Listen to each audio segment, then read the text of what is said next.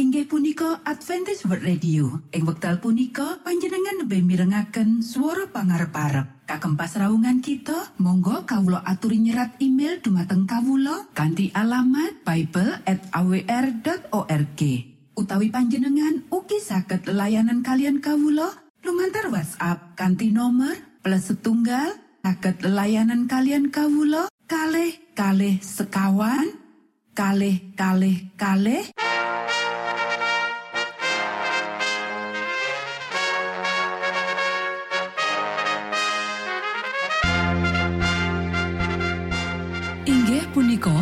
Adventis World Radio ingkang giaran kanti basa Jawi. Tentrem Rahayu Kulo aturaken kagem poro Mitra kinasih ing pundi papan lan panggonan. Sugeng pepanggian malih kalian Adventis World Radio. Kanti bingahing manah Kulo badi sesarengan kalian poro Mitra kinasih lumantar saperangan adicara ingkang sampun rinonci mligi kagem panjenengan sami. Mugi giaran punika saged migunani tuen dados berkah kagem kita sedaya. Sugeng midhangetaken Gusti amberkahi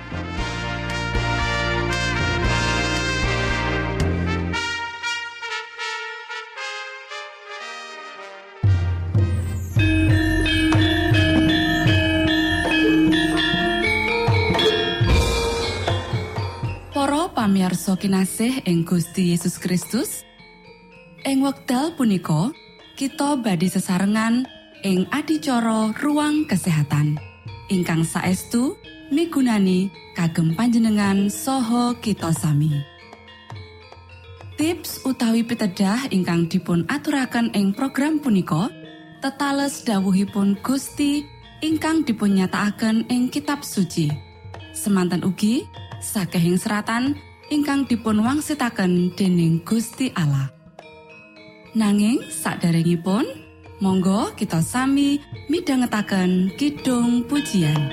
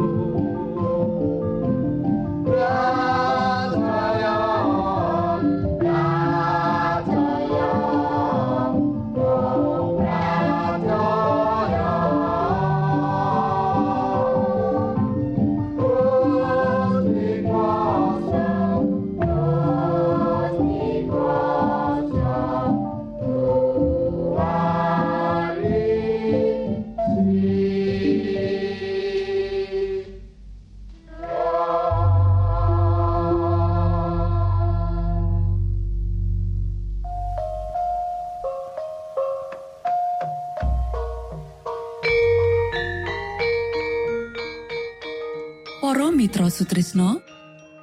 Puji syukur dumateng Gusti ingkang murbeng dumati ingkang sampun kepareng paring wewenngan kagem kita. Satemah saged nglajengaken ruang kesehatan. Pirembakan kita semangke kanthi irah-irahan. Karusaan ing mesin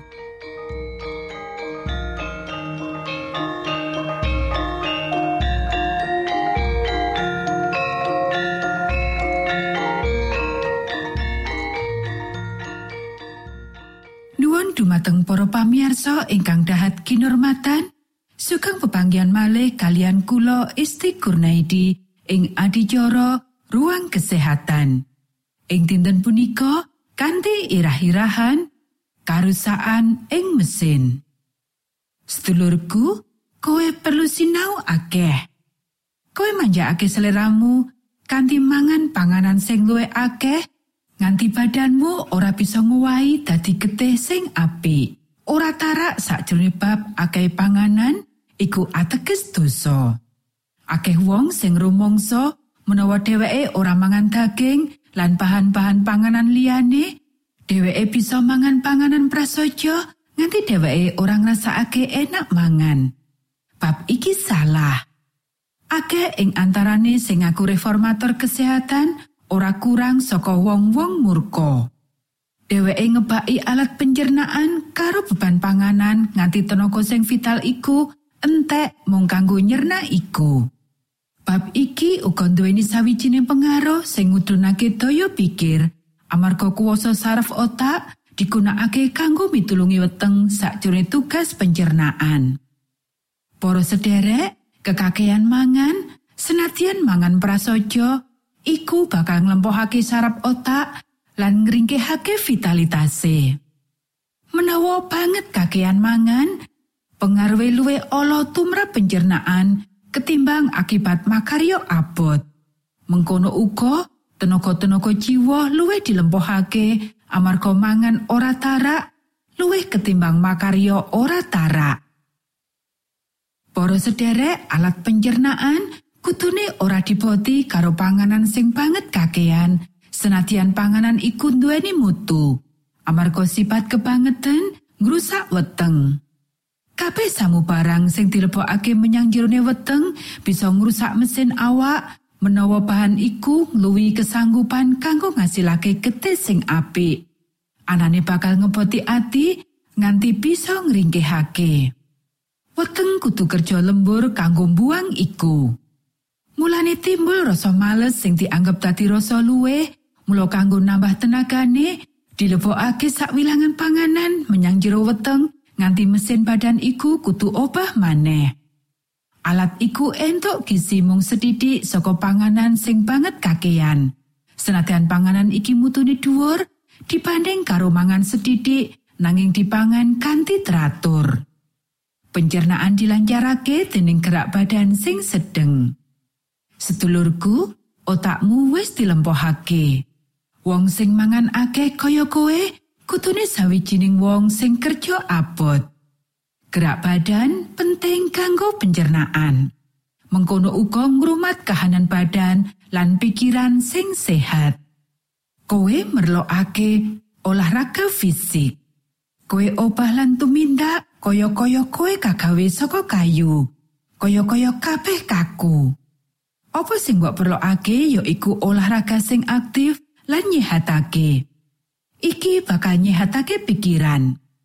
Ojo sinau utawa ngenengake olahraga sikro sakwise mangan gede. Iki ateges paneraan angger-angger fisik. Sikro sakwise mangan, tenaga syaraf dientekake. Tenaga otak digunakake kanggo nulung weteng. Dadi nalika badan lan pikiran dipoti sakwise mangan, proses pencernaan diundur.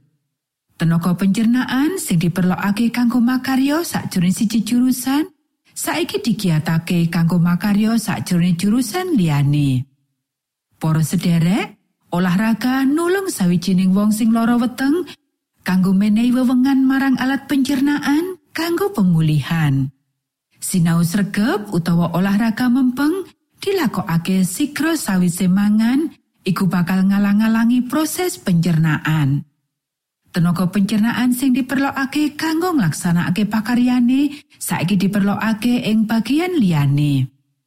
Nanging menawa sawijine wong mlaku-mlaku sakwise mangan kanthi posisi sirah sing sejek, saha bau ditarik menyang mburi menewi sawijining kauntungan gede. Pikiran iku dialihake marang kaendahan alam. Luwih becik menawa luwih sedidik kawikaten diwenehake marang weteng. Menawa kowe tansah krasa wedi, aja-aja mengko panganan bakal ganggu kowe, mesti mengkono bakal dumati. lalekno kabeh kasusahanmu pikirno samu barang sing nyenengake matur nuwun Gusti amberkahi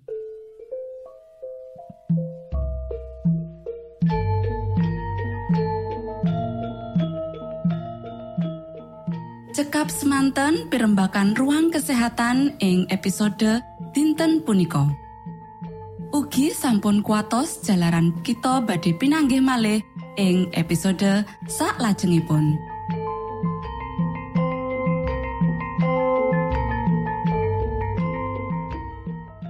Inggih punika adicara ruang kesehatan. Menawi panjenengan gadah pitakenan utawi ngersaakan katerangan ingkang langkung, Monggo kulo aturi. Kinton email dateng alamat ejcawr@ gmail.com utawi lumantar WhatsApp kanti nomor 025 pitu 00 songo songo papat 00 pitu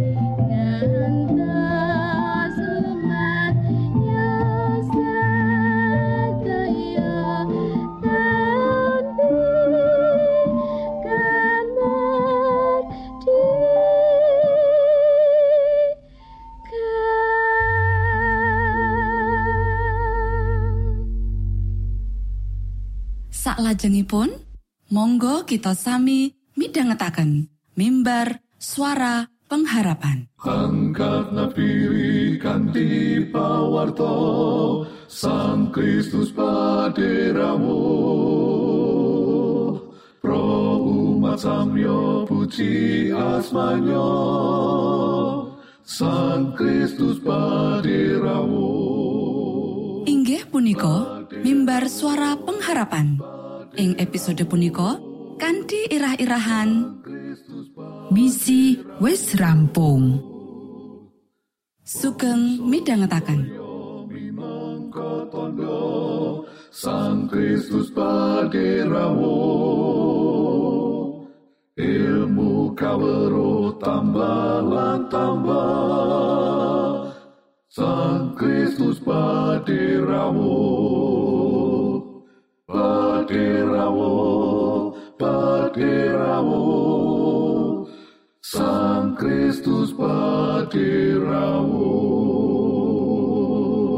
Shalom para sedherek ingkang kinasih. Sakmenika kita badhe mitangetaken renungan Sabto pangandikanipun Gusti. Ing dinten punika kanthi irah-irahan misi wis rampung.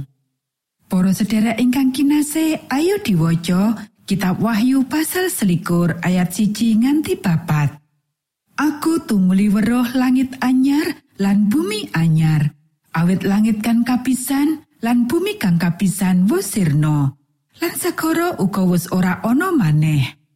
Lan aku weruh kutha suci Yerusalem kang anyar tumurun saka ing swarga, saka ing Allah kang pinaisan kaya panganten wadon kang dinandanan lumati marang priyane.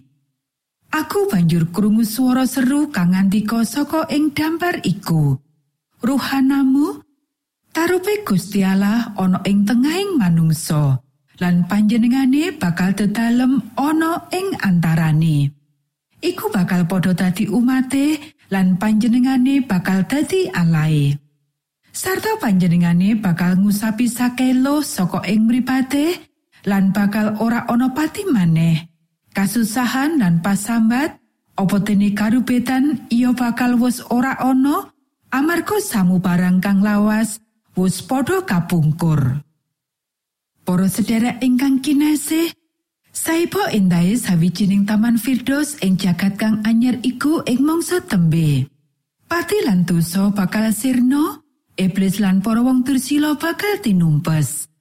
Kita bakal pepanggian marang sang juru wilujeng kang tresnani kita lan padha nglumpuk nyawiji karo wong-wong kang kita tresnani.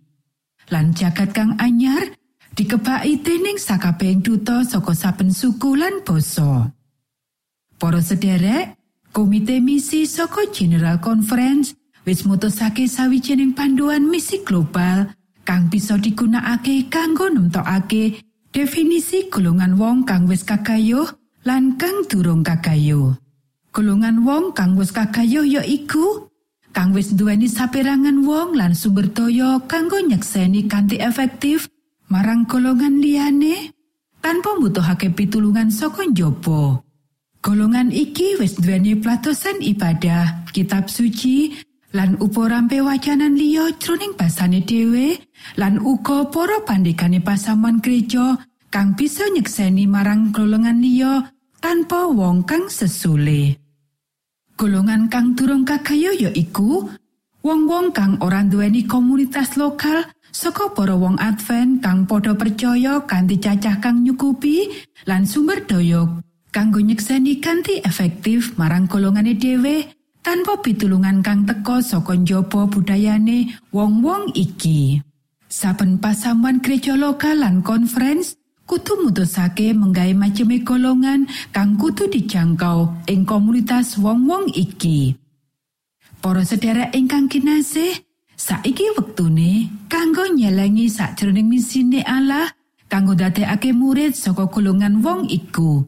Kanti mangkono bisa nyebetake karawuhane sang juru wilujeng kita lan pungkasane kita bisa ngumpul bebarengan ing swarga lan jagat kang anyar kang kaprasetyakake marang kita kabeh. Monggo kita sami ndedonga. Duh Rama kawula ingkang wonten ing swarga, asma Patuko mugi kasucikaken. Kraton Patuko mugi rawuh. Karso Patuko mugi kalampahan wonten ing bumi kados dene wonten ing swarga. Kawula mugi kaparingan rejeki kawula sak cekapipun ing dinten punika. Saha Patuko mugi ngapunten kalepatan kawula kados dene kawula inggih ngapunteni tetiang ingkang kalepatan dhateng kawulo. Punapa dene kawulo mugi sampun ngantos katantukaken dhateng ing panggoda, nanging mugi sami patuko walaken saking piawon. Awit dene patuko ingkang kagungan kraton saha wiseso tuwin kamulyan salami laminipun. Amin.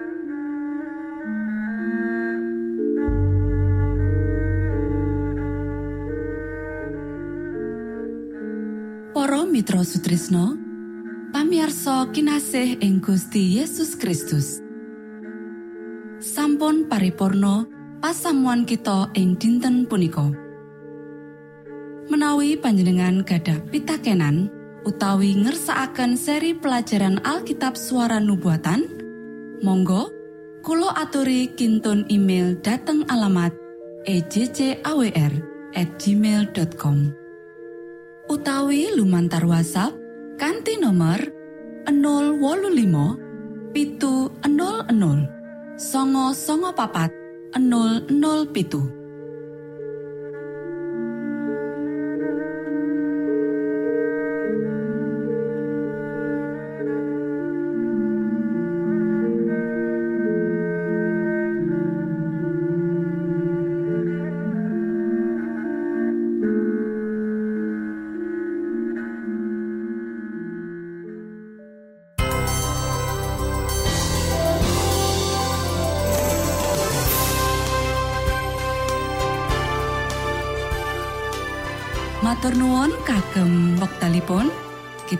badhe pinanggih malih ing gelombang ugi wekdal ingkang sami.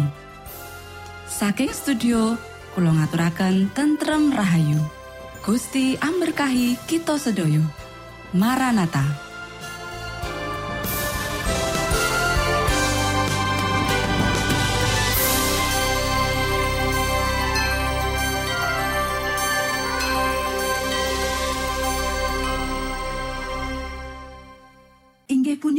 Adventist World Radio. Ing wekdal punika panjenengan lebih mirengaken suara pangarep-arep. Kagem pasraungan kita, monggo kawulo aturi nyerat email dumateng kawulo kanti alamat bible at awr.org.